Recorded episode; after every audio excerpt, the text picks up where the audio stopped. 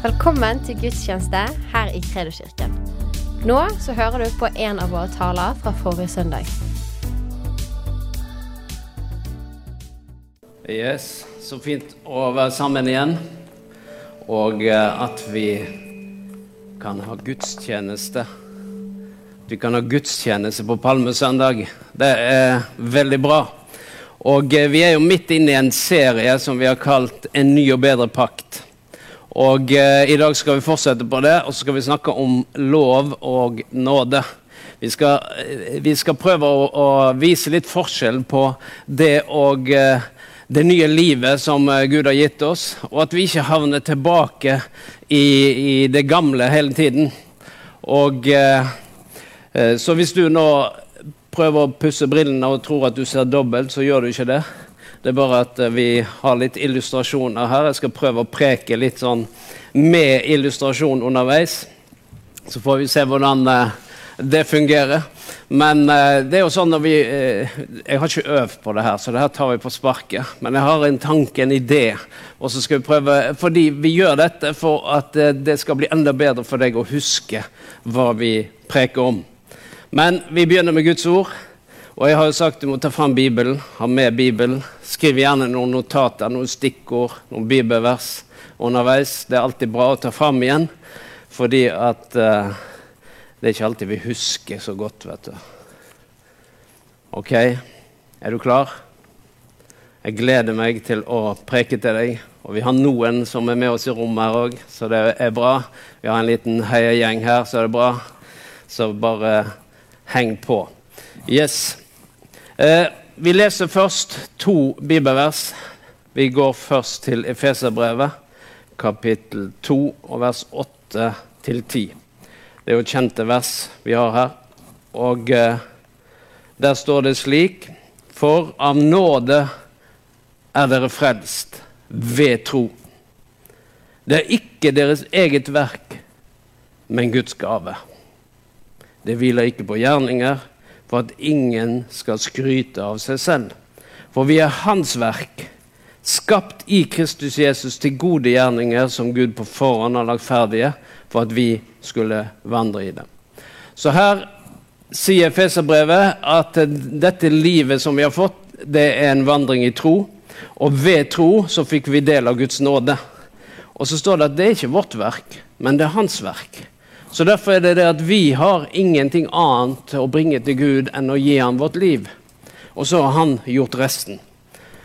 Og eh, I Johannes 1, 17 så står det slik at eh, loven ble gitt ved Moses, og nåden og sannheten kom ved Jesus Kristus. Eh, nå er det slik at disse to her de skal representere nåden på venstre side her, på din høyre, og så har vi loven her. Det er jo sånn at Noen ganger så er det én predikant men folk hører likevel to budskap. De hører både lovens budskap og nådens budskap. Og eh, Derfor så representerer disse her ikke to predikanter, men to røster som prøver å tale inn i vårt liv. Og Noen ganger så eh, eh setter vi vårt fundament på loven, og andre ganger på nåden. Og innimellom så går vi imellom disse to, og så blir det full forvirring. Og den forvirringen den kommer ut som fordømmelse. Og eh, fordømmelse, det står det at eh, det er ikke noe vi skal ha. Det står at eh, fordømmelse det er ingen fordømmelse for den som er i Jesus Kristus. Så, eh, så det hører ikke til en kristen å gå rundt og være fordømt. Men la oss nå se hva Guds ord sier. Fordi vi har sagt at eh, for Her for et par uker siden så snakket vi om den gamle pakt og den nye pakt. Og da er det slik at det er forskjell på disse to paktene. Det, det skjedde et skifte mellom det gamle og det nye. Og, den, og, nå snakker vi om en ny og bedre pakt. Og Da skal vi se litt hvordan dette ser ut. Så heng med. Det blir litt sånn uh, undervisning helt å begynne med. Og så skal vi illustrere litt underveis. Så bare skal vi se hvordan dette blir. Du vet, den gamle pakt den var knytta til loven. Og eh, Loven den eh, stilte krav til en, hver enkelt en. Det kravet var egentlig at du måtte leve helt etter loven, helt perfekt. Og eh, i praksis så betydde det det måtte ikke være noe avvik mellom det loven sa, og det som var mitt liv. Så derfor så eh, måtte det være eh, helt likt. Og det som da skjer, det er at eh, det ser ut som om loven er et problem. Men det er ikke noe galt med loven. Loven den er helt perfekt, men det er ikke noe galt med den. Den bare sier noe om hva som er Guds standard. Han sier at uh, 'dette er min standard', sier Gud. Men hva var det da loven gjorde? Du kan lese, noter det nå, Romerbrevet 7, og du kan lese fra eh, vers 9 til uh, 13 der. Men vi leser ikke det nå, jeg bare siterer det. Det står faktisk i Romerbrevet 12 at loven er hellig, budet er hellig, det er rettferdig og godt. Og så konkluderer plutselig Paulus der og sier at Neimen, det som er godt, har plutselig nå blitt til død for meg, sier han. Slett ikke. Det er synden som er problemet. Det er synden som er problemet, sier han. Så hvorfor kom loven, da? Jo, fordi at når loven kom, så ble synden synlig. Du vet uh, i Det er noen plasser så er det fri fartsgrense. Det betyr at da, er det ikke noen limit. Du kan bare kjøre på. Men i Norge så har vi fartsgrenser overalt. Eh, om du er enig eller uenig i de, så står de der. Og om du vil eller ikke, så må du forholde deg til det. Hvis ikke du forholder deg til det, så bryter du loven. Men før det kom noe skilt om eh, trafikkfart, eh, så brøt du ikke loven. Hvis ikke var noen ting som sa at det, det er ingen fartsgrense, da kan du kjøre så fort du vil, og du bryter ingen lov. Men med en gang det kommer et skilt og sier at her er det 80 km, 60 km, og du likevel bryter fartsgrensen, så kommer noe til syne. Det er at du synder. Og så blir du avslørt i fartskontroll. Eh, det er noen som har opplevd det, skal ikke nevne navn, men det er folk som har opplevd å bli avslørt i, i trafikkontroll, og så får du en liten bot. Og det er jo det som er det er at eh, eh, Men det, det loven gjorde, den synliggjorde at vi trengte frelse. Vi trengte å ta imot Guds frelse. Og den er ikke i loven, men i Jesus Kristus. Og, eh, men når synden er problem, så står det der i Romerbrevet 8. Så da bare noterer du Romerbrevet 8, 3 og 4. Der står det slik Det som var umulig for loven, fordi den var maktesløs pga. menneskets onde natur, det gjorde Gud. Det står ikke at 'det gjorde du ved å ta den sammen', men det står at 'det gjorde Gud'. For syndens skyld sendte han sin egen sønn i syndig menneskes skikkelse og holdt dom over synden i vår natur. Slik skulle lovens krav Vi sa jo det at loven den krevde perfeksjonisme. Så står det her slik skulle lovens krav i oss som ikke la oss lede, eh, bli oppfylt i oss som ikke la oss lede av onde natur, men av loven. Så det det står her, det er at Kristus han oppfylte lovens krav. Så hvis vi da ser litt videre Nå skal vi prøve å illustrere litt her. Nå sier vi det, at loven den stiller krav til oss. Det kravet loven sier, det er perfeksjonisme. Men pga. synden i vår natur så har vi problemer fordi at vi klarer ikke å leve etter de kravene Gud stiller. Så vi, eh, vi eh, feiler hver eneste gang. Og dette her, det visste Gud. Så han kom ikke med loven fordi han trodde at vi kommer da til å klare å leve perfekt. Men det var for å avsløre at vi fremsto som syndere og trengte en frelser. Så kom Jesus, vår frelser, og han ble født under loven, men han levde et perfekt liv. Og han døde i vårt sted. slik at eh, hans liv ble vårt liv. Så i Romerbrevet 5.17 Du må henge med meg fremdeles. Bare heng på. Vi, det blir bedre etter hvert. Nå må vi bare liksom ha litt sånn grunnleggende undervisning, og så kjører vi på ganske snart. Men i Romerbrevet 5 Du kan slå opp i Romerbrevet 5 og vers 17. Der står det om at døden fikk herredømme på grunn av ett eneste menneskes fall. Hvor mye mer skal ikke da vi eie livet og få herredømme ved den ene Jesus Kristus? Så det vi ser her, at pga. Adams fall så fikk døden herredømme. Men pga. Jesus Kristus så fikk livet herredømme. Så står det videre her Like som én manns fall ble til fordømmelse Vi vet at Adam falt, og det ble fordømmelse for alle. Så står det at så ble én mann, det er Jesus Kristus, sin lydighet til frifinnelse og liv for alle. Det er ganske stor forskjell på disse to. Så står det videre i vers 19.: Like som de mange ble syndere pga. det enes menneskes ulydighet, så det menneskets lydighet gjorde oss til syndere. Så står det at eh, Men den andres lydighet, det gjorde at vi framstår som rettferdige. Så står det videre loven kom for å gjøre større, fallet større, men der synden var stor, ble nåden enda større. Og som synden har hersket der døden var, skal nåden herske gjennom rettferdighet og gi evig liv ved Jesus Kristus. Så det er slik at uh, synden hersker ved døden, og døden kom ved synden. Men så fikk vi et nytt liv. Et evig liv. Selv om vi fysisk dør, så dør vi ikke åndelig. Vi fikk et nytt liv. Og så står det at uh, som synden har hersket ved døden, så kommer nåden nå til å herske gjennom rettferdigheten. Men hvordan kan nåden herske gjennom rettferdigheten hvis vi sliter med om vi er rettferdige eller ikke? Fordi det er det som frigjør nåden i vår liv. Det er det hvor vi forstår at vi er nye skapninger. Vi er født på ny. Vi er rene og rettferdige. Og synden har ikke lenger noe makt over oss. Vi er satt fri fra synden. Og vi er satt over fra døden til livet. Og det skjer en radikal skifte.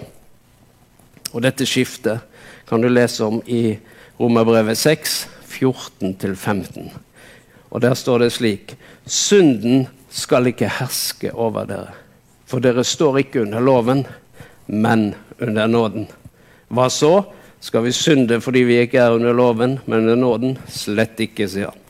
Så her markerer det et skifte, hvor synden ikke skal herske over oss, men, skal, men vi skal herske ved nåden. Vi skal leve ved nåden i Jesus Kristus og det nye livet. Så nå skal vi se litt på det. Hvordan ser et liv under nåden ut? Så da er spørsmålet skal vi være under nåden eller under loven. Det er det vi ofte Vi sier jo det at eh, en ny og bedre pakt det betyr et liv i nåde og rettferdighet. Det betyr òg at vi skal være ferdig med eget strev og fordømmelse. Nå skal vi se litt på forskjell på disse to. Så hvis vi sier at dette er loven, og dette er nåden, så er det slik at loven den åpenbarer menneskets synd. Men hva åpenbarer da nåden? Jo, den åpenbarer Guds kjærlighet til oss. Det er ganske stor forskjell. Det er noen som tror at uh, Gud kommer for å åpenbare synd. Nei, han åpenbarer sin kjærlighet til oss. Fordi vi vet når vi synder. Det kjenner vi, det. Og så står det om loven. Den krever rettferdighet. Mens hva er det nåden gjør? Den gir rettferdigheten som en gave. Og det er forskjell på å gjøre lovens rettferdige krav og det å ta imot rettferdighetens gave. Loven den fordømmer selv den beste. Mens nåden rettferdiggjør selv den verste. Loven fordømmer synderen, mens nåden frelser synderen. Loven, da får vi som fortjent. Og hvis vi får favør, så skal vi fortjene oss til det. Mens eh, nåden, det er ufortjent. Fordi det var Jesus. Det står at vi er hans verk i Jesus Kristus. Det er ganske stor forskjell på disse to. Og hvis ikke vi ser forskjell på det, så blir det som om to budskap taler inn i livet vårt. Selv om vi leser samme bibel og hører på samme predikant, så sitter vi og så hører vi den ene hører fordømmelse, mens den andre hører frihet. Fordi at Ja, men er det godt nok? Er livet mitt godt nok? Er det bra nok? Er jeg god nok? Er jeg åndelig nok? sier den ene. Mens den andre sier du er en nyskapning. Synden er borte. Du er frelst av Guds nåde. Så hører vi forskjellige ting. Selv om vi hører samme budskap og leser samme bibel. Du vet selvrettferdigheten, den sier Jeg gjør så godt jeg kan og så håper jeg på Guds nåde og velsignelse. Det høres litt fromt og fint ut at vi skal gjøre så godt vi kan. Er det ikke det en sier rundt i samfunnet? Ja, men jeg gjør bare så godt jeg kan. Håper at Gud ser til at jeg er god og snill og gjør så godt jeg kan. Men egentlig så er det bare en fordekt selvrettferdighet. For det vi egentlig sier, det er at eh, jeg håper at mine gjerninger skal tilfredsstille Gud, slik at Gud gir meg en eller annen form for belønning, helst at jeg blir frelst. Mens Romerbrevet 4, 4-5 den sier at uh, den som arbeider, blir ikke lønn regnet som nåde, men som fortjeneste. Og det er det vi holder på med noen ganger. Vi prøver å gjøre til åndelige øvelser, for kanskje Gud har behag i oss. Men det er mye bedre å forstå at Gud har allerede behag i oss. Det var derfor han sendte Jesus Kristus. Og når Jesus kom, så sa han rettferdigheten er en gave. Det er ikke din egen rettferdighet og anstrengelse som gjør deg til behag for Gud, men det er det Jesus Kristus gjorde. Fordi Guds rettferdighet ved tro, den sier 'av nåde er jeg frelst'. Jeg er rettferdig ved Jesus Kristus. Og dette er helt og holdent Guds verk, og ikke mitt verk. Som du ser, så har jeg med meg to speiler her. Jeg vet ikke om du kan se det, men jeg har en her og en der. Fordi det er slik at eh, når vi snakker om loven, så er den som et speil. For den viser perfeksjonisme. Og når eh, jeg viser perfeksjonisme. Når, når, jeg står foran dette speilet og speiler meg sjøl, så er det slik at dette speilet det forteller hele sannheten. Jeg vet ikke hvordan det er med deg om morgenen når du kommer ut av senga og ser deg i speilet. Så forteller den sannheten. Og Noen ganger så prøver vi å sminke litt på sannheten, i hvert fall damene. De sminker litt på sannheten for å fremstå eh, vakker og fin. Det syns jo vi menn er veldig bra. Eh, men noen ganger så er det slik at du kommer, har det litt travelt. Og Så går du på bussen, og så kommer du på kontoret. Men du har litt tannkrem i munnviken. Men du vet jo ikke det. Fordi at eh, du hadde det litt travelt, så når du gikk fra badet, så så du ikke speilet akkurat da. Og så sitter du på kontoret hele dagen, eller du sitter på skolen, eller du er sammen med venner, og så har du tannkrem i munnviken hele veien. Så kommer du til lunsj, og så kommer du på badet, og så plutselig ser du jeg har tannkrem her. Og jeg har hatt det hele tiden. Og jeg har ikke visst om det. Fordi at speilet den forteller bare sannheten. Den prøver ikke å dekke over noe som helst. Den bare sier 'slik er det'. Og sånn er det når vi da stiller oss foran loven. Så sier den at du må leve helt perfekt. Og så ser vi på vårt eget liv. Og så ser vi ja, men jeg er jo ikke perfekt. Her er det jo distanse mellom Guds standard og min standard. Og så kommer fordømmelse. Fordi jeg tenker, men Hvordan kan jeg leve opp til dette? Hvordan kan jeg eh, eh, leve et hellig liv? Og så begynner en å tenke jeg er ikke ren nok. Jeg er ikke hellig nok, jeg er ikke åndelig nok. Og så videre og så videre. Og så føler en at en strekker ikke til. Og så begynner en å prøve å prestere for å Kanskje Gud vil være fornøyd med meg. Og så går en tilbake og så speiler en seg i loven. Men uansett hvor ofte jeg speiler meg i loven, så er jeg ikke god nok. Og mange kristne de står foran det speilet, og de føler seg aldri gode nok fordi loven peker på feilene i våre liv. Men eh, det fins òg et annet speil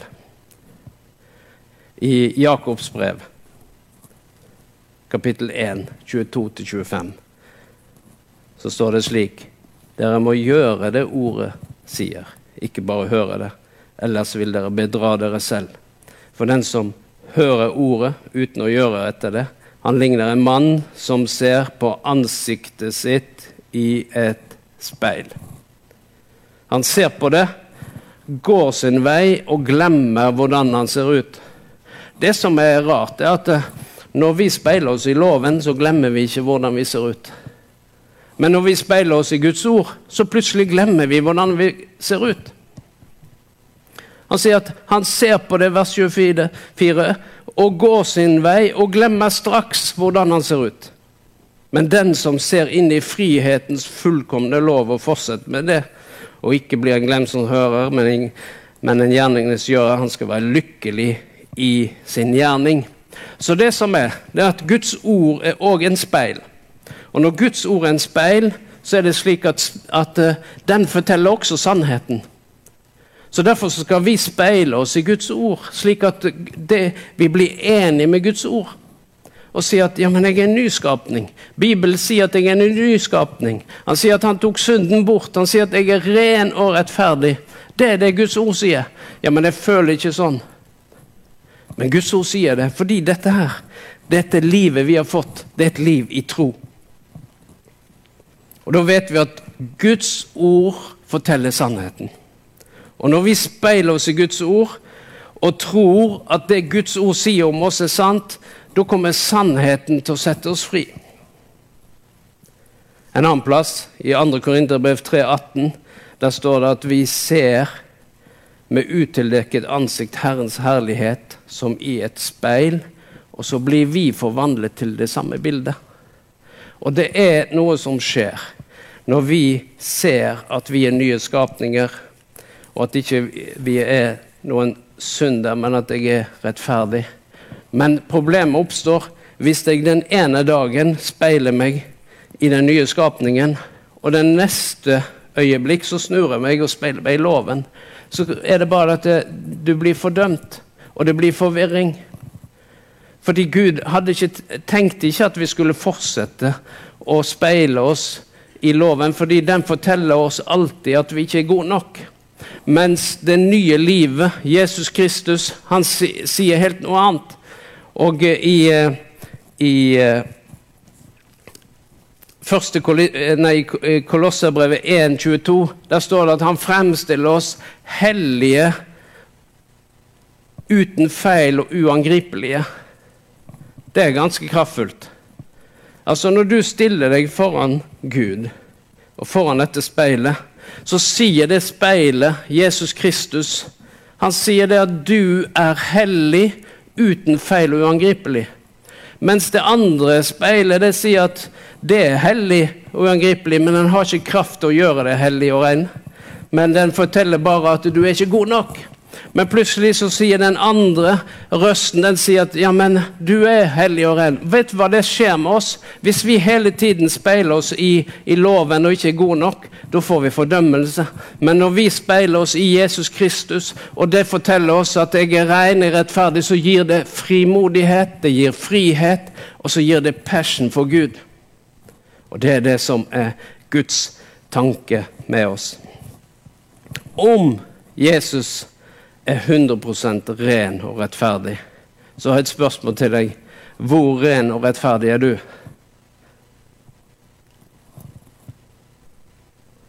Da må jo du òg være 100% ren og rettferdig, hvis du er en ny skapning. Hva fører det til? Det fører til frihet. Fordi at det er Kristus som er forskjellen. Og vi har ikke noe vi kan bringe til Han, men Han ga oss alt. Og Derfor så vet jeg at jeg er 100 ren. Så når jeg ser meg og speiler meg i Kristus, så skjønner jeg det at eh, på grunn av deg, Jesus Kristus, så er jeg 100 ren. For du tok bort min synd. Du ga meg rettferdigheten. Det er ikke noe som jeg kan prestere, det er ikke noe jeg kan anstrenge meg for å bli bedre i dine øyne. Men når jeg tar imot deg, Jesus Kristus, og det du gjorde, så kommer denne eh, rettferdighetens gave meg til del. Og da behøver jeg ikke lenger vende meg bort til, til loven lenger og vandre i fordømmelse. Du kan notere Galaterbrevet 4, 21-31. Vi skal ikke lese det. Men eh, det står det bl.a. at eh, Abraham han fikk to sønner. Fikk En med Hagar og en med Sara. Så står det at disse to sønnene de representerer de to paktene. står det. Men så begynte Ismael og Hagar å plage Isak og Sara. Vet du hva Gud sa til Abraham da? Du må jage ut trellkvinnen du må jage ut trelldommen. Og det er det som skjer. Det er faktisk det at vi må jage ut eh, loven. Vi må si at men den har ikke noe mer del av meg. Jeg er en ny skapning. Må ikke, du må jage det ut. Du må bort med det. Slik at du slutter å veksle mellom lov og nåde. Fordi det skaper bare forvirring. Det å forstå at vi er nye skapninger i Jesus Kristus helt og fullt det skaper sånn frihet. Fordi det er ingenting vi kan bidra med i forhold til Guds aksept. Jesus gjorde det alt sammen. Så hvordan kan du bli kvitt loven? Hvordan kan du bli kvitt disse tingene? Jo, du må bare bruke det ene speilet. Du må bare speile deg i Kristus. Du må bare speile deg i Guds ord. Og så må du tro at når Guds ord sier det, om du føler noe annet, så er det ikke det sannheten. Sannheten er det Guds ord sier. Når Guds ord sier at jeg er ren og rettferdig, så er det sannheten. Og da trenger du ikke eh, bruke noen andre speil enn det. For hvis du speiler deg andre plasser, så blir du bare forvirra. Men at det er Kristus han har satt oss fri. Og det er det denne tiden vi går inn i, handler om påsken. Det handler om frihet i Kristus. Og Derfor så skal vi ta del av dette ordet. Så vi takker deg, Herre, fordi at du har født oss på ny. Du har frelst oss. Og jeg takker deg, Far, fordi at uh, du uh, vil ikke at uh, forvirring skal få en del av våre liv, men du vil at vi fullstendig skal være fri, Herre som nye skapninger i Jesus Kristus. Jeg bare takker deg for det. Det kan være at du som hører på, faktisk ikke kjenner Jesus. Kanskje du går der i denne fordømmelsen. Da vil jeg bare si deg at Gud vil sette deg fullstendig fri. Og Hvis du ikke har tatt imot Jesus Kristus, så kan du ta imot Jesus Kristus akkurat der du sitter. Du kan si til Jesus, 'Jesus, jeg tar imot deg i mitt liv.' Jeg ønsker å få del av dette nye livet. Jeg ønsker å være en som kan kalle meg Guds barn, en som er rettferdig. Så da kan du ta imot Jesus Kristus. Du kan be en enkel bønn. Jeg tar imot deg, Jesus Kristus. Jeg gir mitt liv til deg. Det kan du gjøre. Så kan du ta kontakt med oss og uh, fortelle hva Gud har gjort i ditt liv.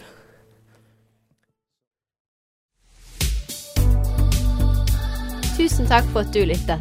Følg oss gjerne på Instagram og Facebook, og så snakkes vi neste uke.